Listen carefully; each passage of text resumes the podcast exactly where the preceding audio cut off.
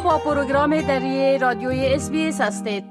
حال با جاوید روستاپور خبرنگار پروگرام دری رادیوی SBS برای جنوب آسیا. با تماس هستیم که اونا درباره تازه ترین رویدادها در ارتباط به افغانستان معلومات میتن آقای روستاپور سلام عرض می‌کنم.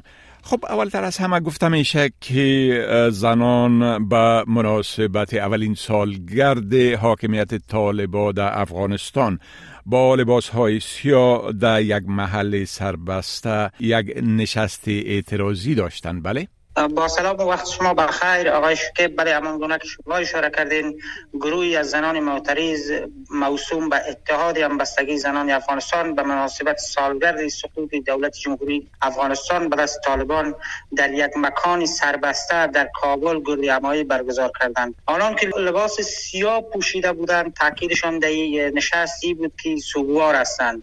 سال گذشته به تاریخ 24 اسد طالبان کابل را تصرف کردند و دولت فرو پاشید. زنان معترض می‌گویند که یک سال است که زنان افغانستان از حقوق اسلامی انسانی و اساسی خود محروم شده و بدبخت شدند و به آشیه کشانده شدند.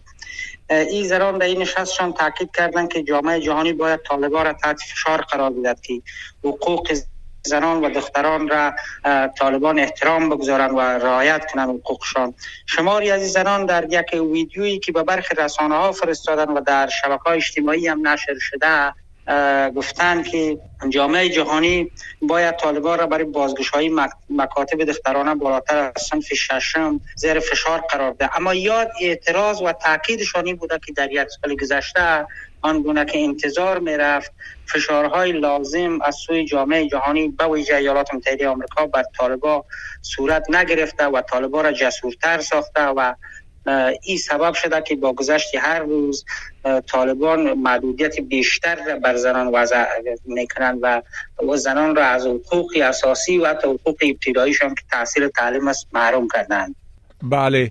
خب همچنان گفته میشه که جنبش مقاومت مدعی است که چل جنگجوی طالب اسیر گرفته. میشه که در این باره یک مقدار معلومات بتین لطفا. جبهه مقاومت ملی که عمدتا در کوهستان مناطق کوهستانی پنشیر و برخی ولایت‌های دیگه فعالیت دارد.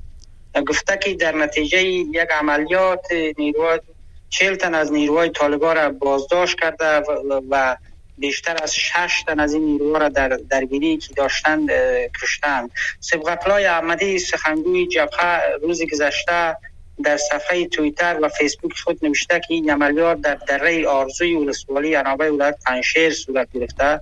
آقای احمدی گفته که شش تن از نیروهای طالبان چهار تن از نیروهای طالبان زخمی شدند. این زخمی های از را با خود بردن و مداوا کردن.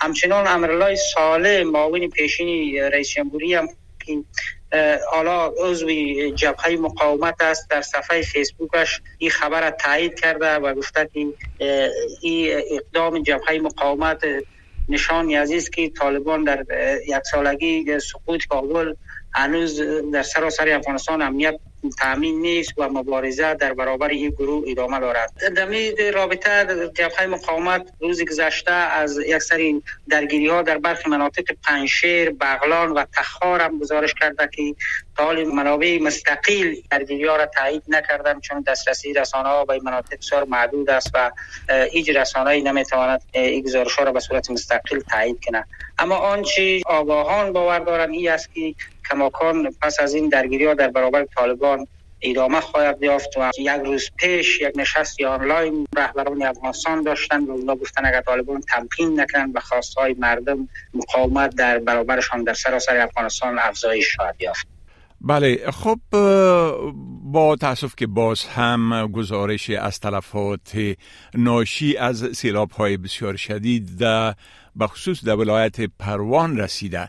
اگر لطفا در این باره یک مقدار معلومات بتین مسئولان طالبان در ولایت پروان گفتند که جاری شدن سیلاب در بخش های از ولسوالی های سیاگرد و شینواری ولایت دست کم جان سی یک نفر را گرفته و بیش از 96 نفر زخمی بر جای گذاشته که وضعیت صحیش بیشتر زخمی ها به دلیل اینکه سنگ و چوب بدن یزی های ثابت کرده بسیار وخیم است. به اساس گزارش خبرگزاری دولتی باختر حدود 105 تن دیگر تا کنون مفقود الحسر هستند و بنابر این احتمالی بلند رفتن تعداد کشته شده ها در پی این حادثه طبیعی زیاد است. مسئولان طالبان دولت پروان گفتند که این سیلاب ها زیان های بسیار انگفتی را به باشندگان ولسوالی های سیاگرد و شینواری به بار آورده صدها خانه مسئولین و هزاران جریب زمین در پی سرازیر شدن این سیلاب ها از بین رفته. شمس الحق صدیقی رئیس اطلاعات فرهنگ طالبان برای پروان گفته که در ولسوالی سیابر صدها خانه نابود شده و به گفته او یک قریه یا یک روستا به صورت کامل از بین رفته که هیچی آثاری نه از خانه نه از زمین و نه از باغ هیچی دهی از این باقی نمانده. سیل همه چیز را با خود برده و ای به یک گودال کلان آب مبدل شده همین قریه.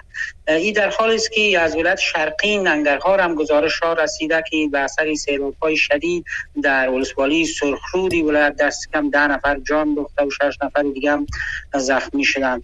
ریاست کانال ننگرهار گفته که تقیان یابی کانال منجر به تخریب سازی بیش از یک هزار جریب زمین زراعتی شده. در پی یک هفته گذشته سیلاب ها در بسیاری از ولایات افغانستان جان صدها نفر گرفت و هزاران جریب زمین خانه مسکونی را تخریب کرد. به اساس آخرین گزارش که وزارت مبارزه با حوادث طبیعی طالبان ارائه کرد در پی سیلاب های یک هفته گذشته 136 نفر در 19 ولایت افغانستان جان باخته بودند که منابع محلی گفتند که این آمار بسیار اندک است و تعداد تلفات به بیش از 600 نفر رسیده. اما تا کنون مشخص نیست که آمار دقیق چقدر است. بله خب بسیار تشکر آقای روستا. پور از این معلوماتتان و فعلا شما را به خدا می سپارم و روز خوش برتان آرزو می کنم وقت شما هم خوش خدا حافظ ناصرتان. می خواهید این گونه گزارش ها را بیشتر بشنوید؟ با این گزارشات از طریق Apple Podcasts، Google Podcasts، Spotify و یا هر جایی که پادکاستتان را می گیرید گوش دهید.